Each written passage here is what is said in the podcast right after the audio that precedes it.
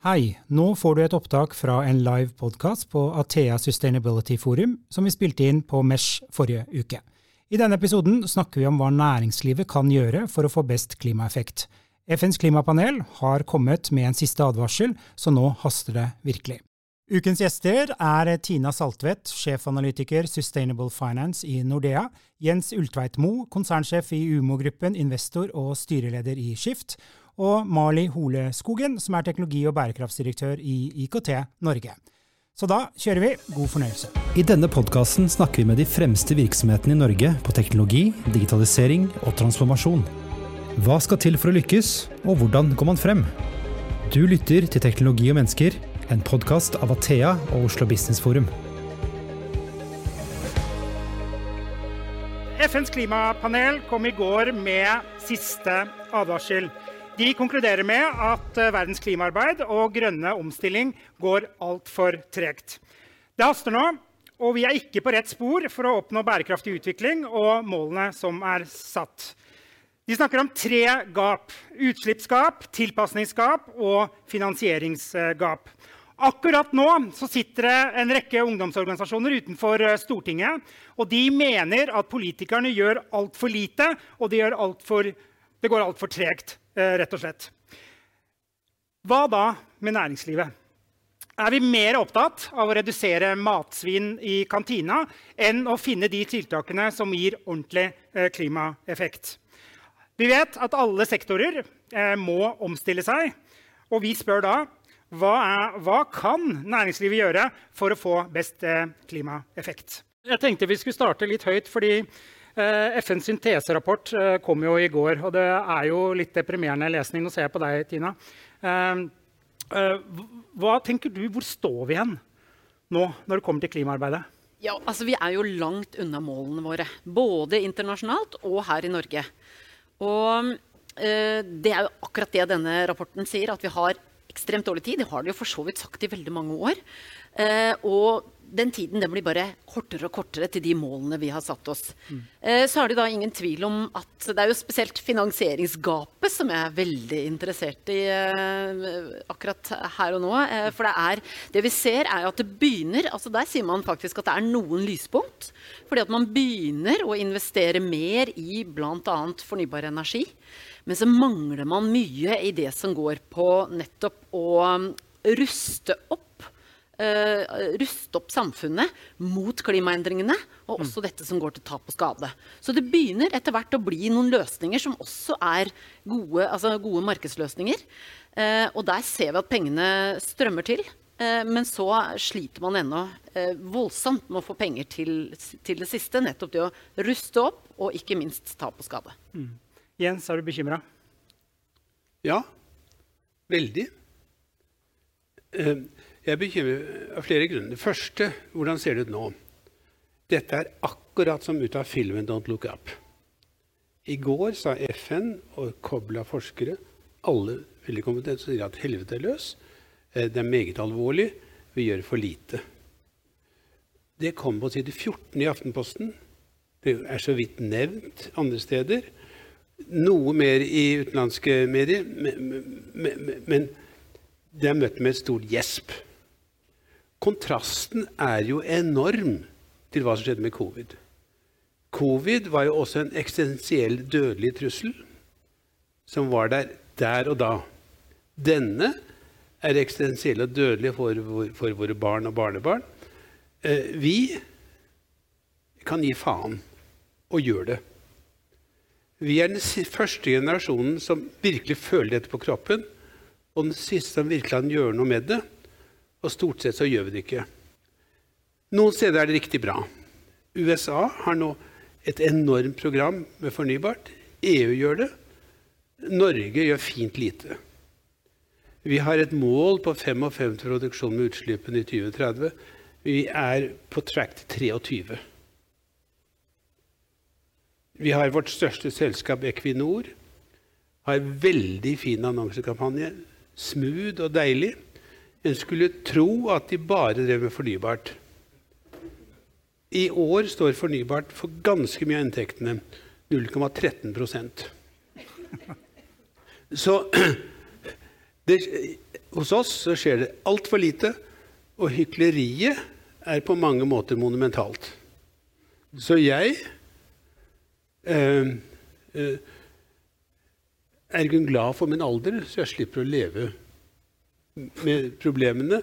Men det vil mine barn måtte gjøre. Mali, deler du bekymringen? Ja, absolutt. Eh, vi befinner oss i en kjempealvorlig situasjon. Og eh, ja, Jeg heter jo Mali Olskogen og representerer IT-næringen i Norge. Vi pleide å være det som var software, hardware, telekom og IKT-rådgivning. I dag er vi bank og finans, vi er laser, vi er akvakultur, vi er smarte trafikksystemer. Vi er hele rangen av det som er norsk IT. Og vi representerer også både kinesiske og amerikanske plattformselskaper. Og vår, Vi har en setning som vi tygger mye på i IKT Norge i denne konteksten. Og det er at eh, man sier så ofte liksom, skal bruke teknologi til å komme i mål med klimaendringene eller Parisavtalen eller FNs bærekraftsmål. Ja, vi representerer noen fantastiske løsninger, og mange av de er game changerne. Men vår bransje kommer også med et voldsomt fotavtrykk. Det ene er selvfølgelig det som vi var utrolig heldige har bodd i et land som har hatt god tilgang på regn, og det som var billig kraft, og som nå ser ganske annerledes ut pga. situasjonen i Europa, altså invasjonen av Ukraina. Og så har vi vært heldige som har hatt god tilgang på metaller. Men den situasjonen ser også helt annerledes ut etter invasjonen i Ukraina. Nå konkurrerer vi med våpenindustrien om å få tak i både sjeldne jordartsmetaller og metaller som inngår i all elektronikk. Og det kommer også, liksom, og også solceller og elektriske biler og det grønne skiftet. Alle metallene som skal inngå i det. Og på toppen av det så kommer det som eh, FN og World Economic Forum kaller for en tsunami av elektronisk avfall, som også skal håndteres. Så på den ene sida så, så, så, er det alvorlig pga. rapporten som FN har sagt, men det er jo som Tina og, og Jens her sier, dette er ikke noen ny, ny, situasjon. Vi har visst om disse tallene lenge. Eh, og siden, helt siden jeg var liten, så har vi visst om at dette har vært utfordrende. Det som er nytt, det er at det dukker opp flere andre alvorlige situasjoner, som f.eks. krig i Europa, som gjør at vi får en slags perfect storm, som er veldig, veldig vanskelig å kontrollere, og som spiller en enorm effekt på akkurat dette her. Så jeg tror at vi skal ta FNs bærekraftsmål på høyeste alvor, og så skal man igjen ta den geopolitiske situasjonen vi står i. Hvis den eskalerer, så vil vi få ja, for så er det bare 3% av alle metaller som inngår i europeisk produksjon, som kommer fra Europa. Nesten alt annet kommer fra Kina, enten gjennom Kina direkte eller via gruver i Afrika. Mm. Ja, så jeg synes uh, Det du var inne på, Jens, uh, det er veldig viktig. For det har jo noe med dette med kriseforståelse. Altså, eh, hvis vi går tilbake til koronaen, så, så, så vi jo det at i løpet av to år så klarte vi jo å finne både en vaksine og vi klarte å finne behandlingsmetoder nettopp for å stoppe koronaepidemien. Eller pandemien. Eh, men likevel, også som du var inne på, altså her, eh, vi har hatt klimaendringer og utfordringer i 40-50 år i hvert fall. Så det, eh, likevel så klarer vi ikke å mobilisere, og det må jo ha noe med denne eh, kriseforståelsen eller krisefølelsen som vi ikke har. For hvis ikke så er det jo veldig rart at vi ikke klarer å mobilisere. Så hva er det som skal få oss til å føle denne krisen nok til at vi faktisk mobiliserer? Og så har vi jo egentlig ikke tid til å vente på det, for da er det kanskje allerede for seint. Det snakket jo FN om med disse knekkpunktene, eller vippepunktene. Når du de, eh, så kan det hende at det ikke er noe vei tilbake innen mange områder. Eh, så det kan vi jo ikke vente på. Så hva får oss til å få denne kriseforståelsen, sånn at vi faktisk mobiliserer og finner løsninger. Vi har klart det på korona, vi kan klare det nå også på klima. Mm. Der har jeg jo faktisk et svar. Blir det ille nok, så gjør demokratiene. Da handler de. Det har vi sett over de siste tolv månedene. Første gangen hadde vi krise i EU, vi hadde krise i, i, California, vi hadde krise i Kina, vi hadde klimakrise i Australia. Og det har skjedd noe alle de stedene. California har snudd et stort klimaprogram. De er for atomkraft. Australia skiftet regjering og har et tørt klimaprogram. Og EU gjør mye. Kontrasten mellom EU og Norge i respons er veldig stor. Ukraina-krigen har gjort at Norge har akselerert oljeutvinningen. Nye felt. Vi utlyser nye felt og produserer voldsomt med olje. EU har stikk motsatt.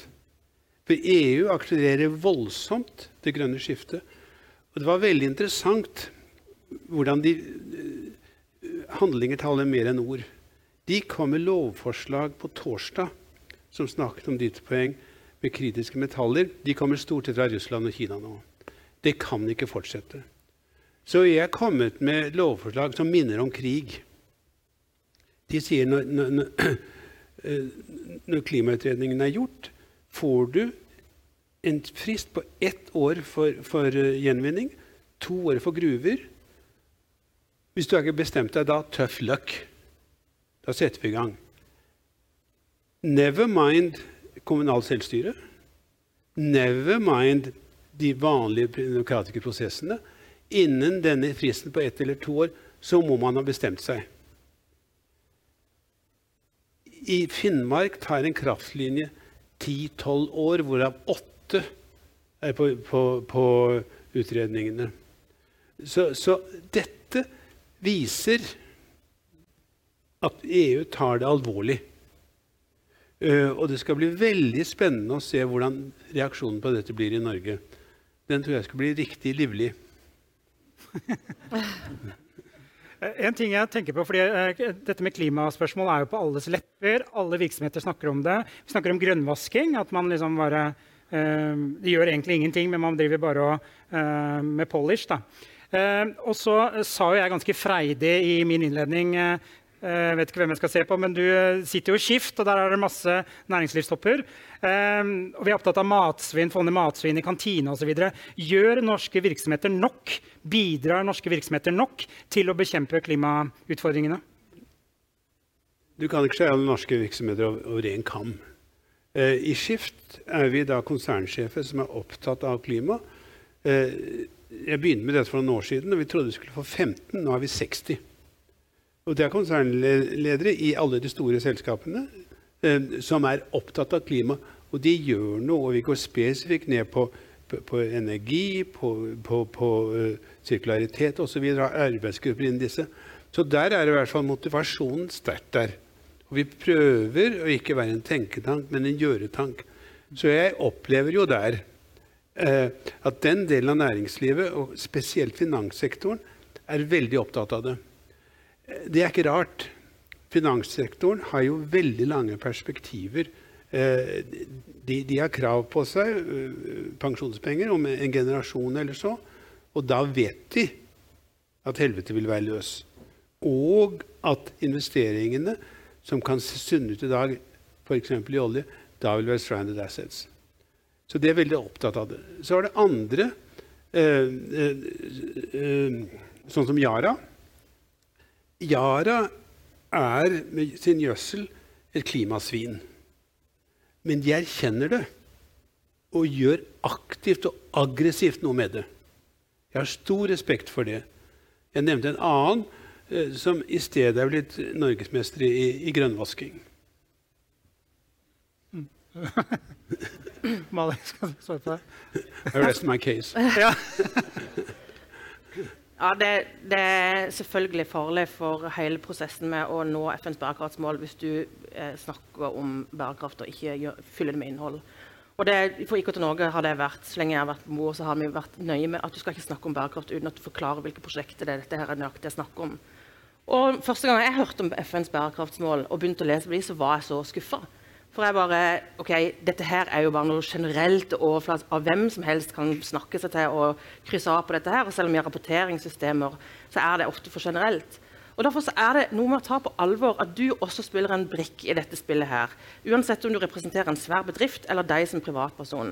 Og Nå sier rapporten med all tydelighet at alt teller. Hver flyreise, hver bil, hvert innkjøp. Så om det så er matsvinn i kantina, så ikke stopp med matsvinn i kantina, men tiden for de store samarbeidene for de, å liksom få ordentlig trykk bak dette er jo på høy tid. Og der må jeg bare si at uh, Dette er ikke IKT sin offisielle holdning, men et medlemskap i EU for Norge er på sin plass. For det er såpass store samarbeid som har muligheten til å endre på noe av det som vi ser nå. Hvis ikke vi hadde hatt taksonomien, hvilke verktøy skulle vi hatt da? Hvis ikke vi hadde right to repair, hva skulle vi gjort med all elektronikk da? Det kommer enormt mye nyttig fra EU nå som vi i Norge er helt avhengig av å være med og spille på. Eh, og at vi òg drar i vår retning. Så vil jeg jo bare si at uh, dette gjelder ikke bare næringsliv. Altså. Dette gjelder offentlig sektor minst like mye. Altså, mange av våre medlemmer, Athea inkludert, og IBM og flere andre som er her, de står på dag og natt for å finne gode løsninger på energi til spillvarme på datasentre. Eh, hvis jeg har sett eh, Athea sitt eh, 18 siders lange høringssvar på offentlig innkjøp og miljøvekting, som ligger på, på eh, Næringsdepartementet sine nettsider, virkelig setter de beste advokatene på å lage verktøy for at de skal kunne etterspørre bra og reparerbar og bærekraftig elektronikk. Så næringslivet gjør masse. Det kan godt hende at det ikke er nok, men her må det offentlige på banen. Uh, ja, altså det her begynner jo å bli krav også. selskapene. Altså jeg jobber jo i finanssektoren, og vi er jo underlagt mange krav. mange ting vi skal gjøre. Det som er innmari viktig, det er jo selvfølgelig at vi har tillit. Fordi at den tilliten den rakna jo litt grann etter finanskrisa. Det må vi jo ærlig innrømme. Uh, vi var ikke tydelige nok på hva vi gjorde. Vi har ikke åpna uh, nok om hva vi har gjort. Eh, og det er det jo noe vi prøver å endre på nå. Og det gjør man jo gjennom rapportering. Og så har det vært mye, altså er det jo litt sånn i starten av denne rapporteringstiden vi er inne i nå. Eh, ikke av året, men at vi begynner å rapportere mer på bærekraftspørsmål. Eh, det er jo at eh, det finnes veldig mange standarder. Eh, jeg tror jeg leste The Economist at det finnes omtrent 150 ulike bærekraftstandarder, såkalte ESG-mål. og Det står for Environment, Social and Governance-mål. Og det er klart at Disse her målene er egentlig ment til å være til hjelp, slik at dere og vi kan se på hvilke selskap man investerer i, hvordan jobber man med bærekraft. Men det man kan risikere sånn som det er i dag, det er at ett selskap får 150 forskjellige ESG-analyser. Hvilke av disse 150 er den rette? Dette her må det jo selvfølgelig fikses opp i. Hvis ikke blir det jo et, eh, altså et virvar som egentlig skaper mer frustrasjon enn hjelp. Og det er jo det man holder på med nå. Men det er ingen tvil om at eh, vi i finanssektoren vi må være enda mer åpne enn det vi har vært. Eh, og så holder vi på å bli mye mer flinke til å rapportere. Men der vi virkelig kan bidra til å påvirke også Én ting er det vi gjør selv, og det er jo bl.a. som du var inne på, masse tiltak. Og sånn som du spurte om også, er det det mye, altså blir det grønnvasking når man bare snakker om det man, man holder på med selv, med å skifte ut noen plastkrus i kantina? Eh, altså, finanssektoren vi har jo enorme porteføljer av kunder på investeringssiden, på utlånssiden. Og hvis vi sammen med kundene våre kan sette mål på bærekraft, klima og miljø, da kan vi virkelig få gjort noe. Og det er jo det vi prøver å gjøre nå. Tydelige, åpne mål. Eh, og så må vi kanskje skru opp tempoet litt alle sammen, tror jeg. Eh, den beste boken jeg har sett om klima, er Bill Gates' 'How to Avoid a Climate Catastrophe'. Og Da sier han at dette området er sjelden fullt av bullshit. Mm. Det er noen få ting vi må gjøre, og gjør vi de skikkelig, så kan vi redde det. Én redusere eh, fossile drivstoffer. Og det, det, er, eh, det er bensin, eh, olje, selvsagt så er det det vi kaller naturgass, men som jo er fossilgass. Så er det kull. Har du tatt bort alle de, er det 72% De andre er så eh, Den neste, som er grusom, er sement. Å lage sement består jo i å slippe CO2 ut i atmosfæren. Så er det metaller, eh, aluminium eh, og stål. Har man fått disse fire-fem tingene under kontroll, eh, så er faktisk klimautfordringen løst. Eh, sannsynligheten for at det skjer, og, det å gjøre det, er helt mulig. Vi har teknologien, og det det koster, vet vi også ganske godt. IEA sier at dette vil koste ca. 4 trillioner dollar året frem til 2050 å komme til nullutslipp det er ca. 3,5% av verdens GNP. Det er omtrent forsvarsutgiftene. Det er et helt mulig beløp. For teknologien har vi jo. Det vi mangler, er jo viljen. Og så går da kritikken på politikerne som ikke gjør nok. Det er helt feil. Det er vi velgere som ikke bryr oss. De to største norske partiene, Arbeiderpartiet og Høyre, har 15% av sine velgere sier at klimaspørsmål er det viktigste de har. Høyre er helt avhengig av støtte på Vestlandet. De, eh, de, du klarer ikke å overbevise en vestlending om å gjøre noe med olje så lenge hans inntekt bestemmer det. Uh, og, og, og, med LO så er det at de har sterke ute i verftene. Så der stopper det. Så, så, så, det er hva vi som velgere gjør, som tar politikerne og dette kan altså Klimautfordringen er ikke den største failure som er, fordi at det, det er altfor billig til dels gratis å forurense. Hvis oljeselskapene måtte betale kvotepris på alt den dritten de skyter i atmosfæren, så ville alle gå med underskudd. Men siden det er gratis, så går det greit.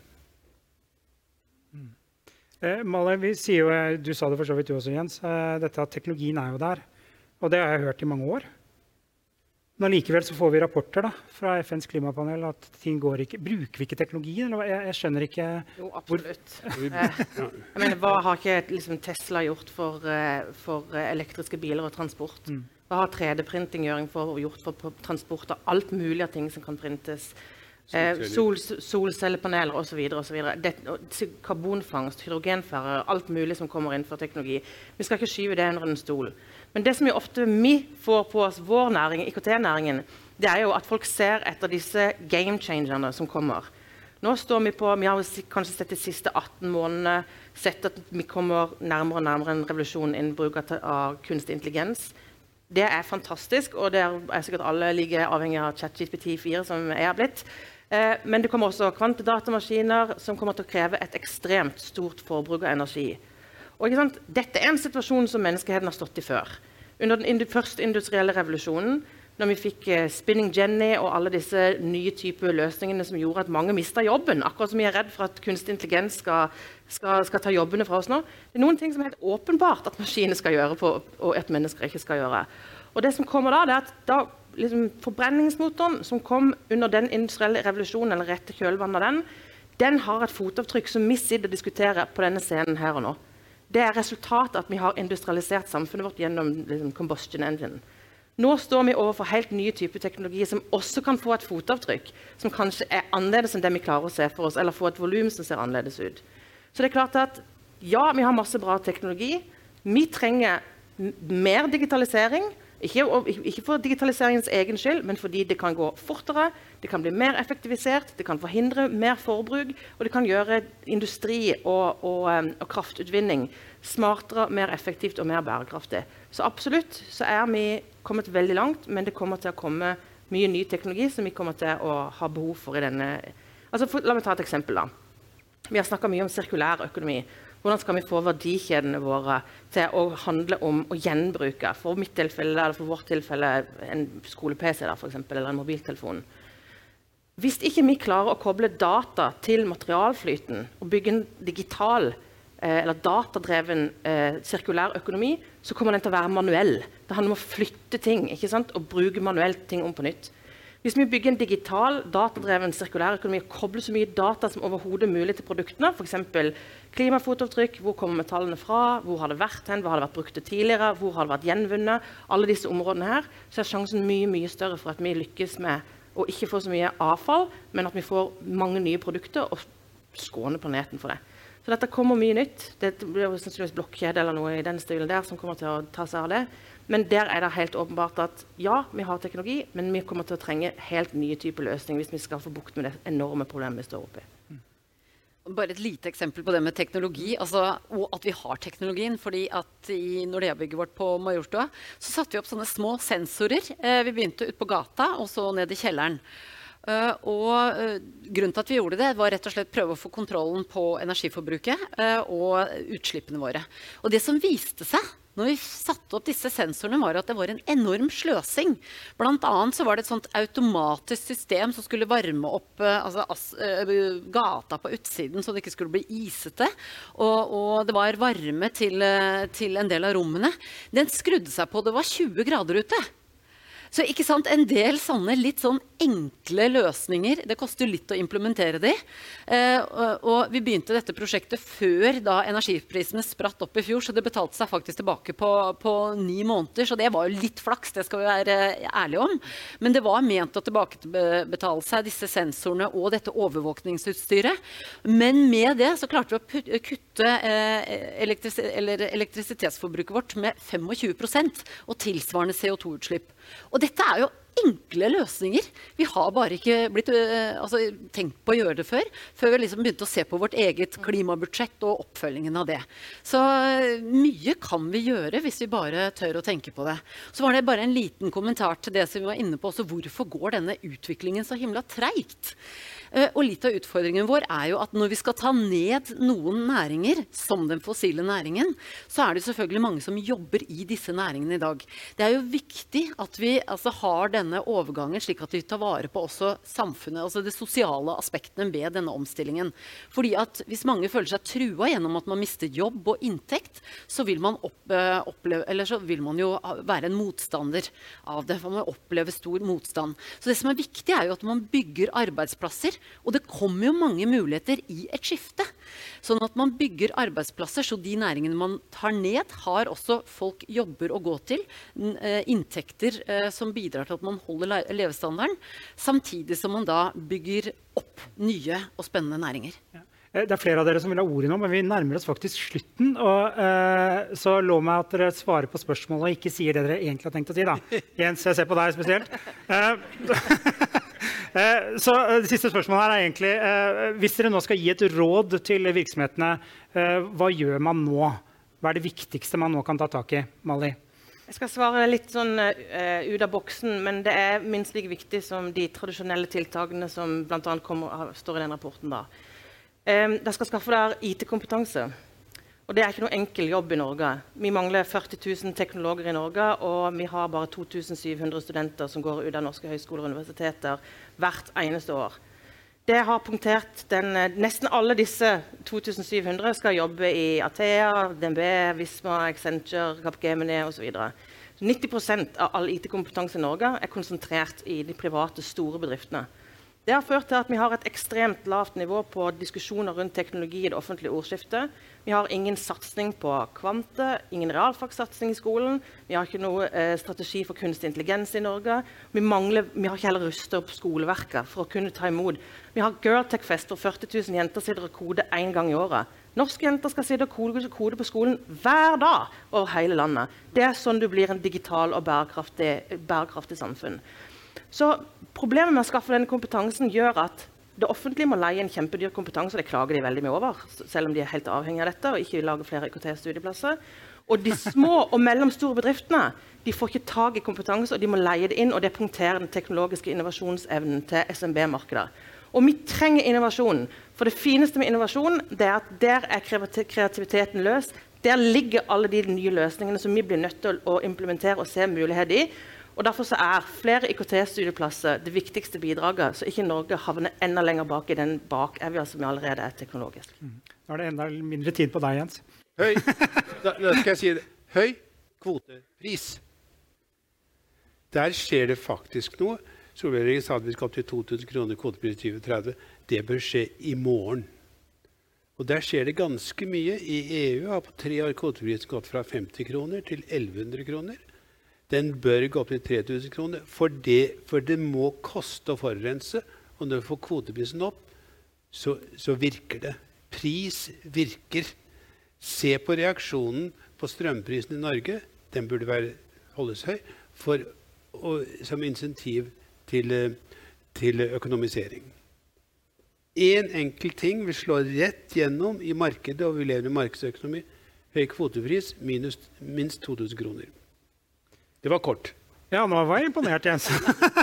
Veldig bra. Tina? Eh, lag en bærekraftstrategi, en klimastrategi. Sett dere kortsiktige, mellomlange og langsiktige mål. Og inviter partnere eh, og leverandører til å være med og sette disse målene. Jobb sammen. Det er kjempespennende, kjempegøy. Og så er det mye enklere å mobilisere. Tina, Jens, Mali, tusen tusen takk for at dere kunne komme. Tusen dere, takk til dere som sitter i salen, og til dere som har fulgt oss eh, digitalt. Du har nå lyttet til Teknologi og mennesker, laget av Athea og Oslo Business Forum. Liker du podkasten, setter vi stor pris på om det gir oss noen stjerner. Og tips gjerne en venn om podkasten.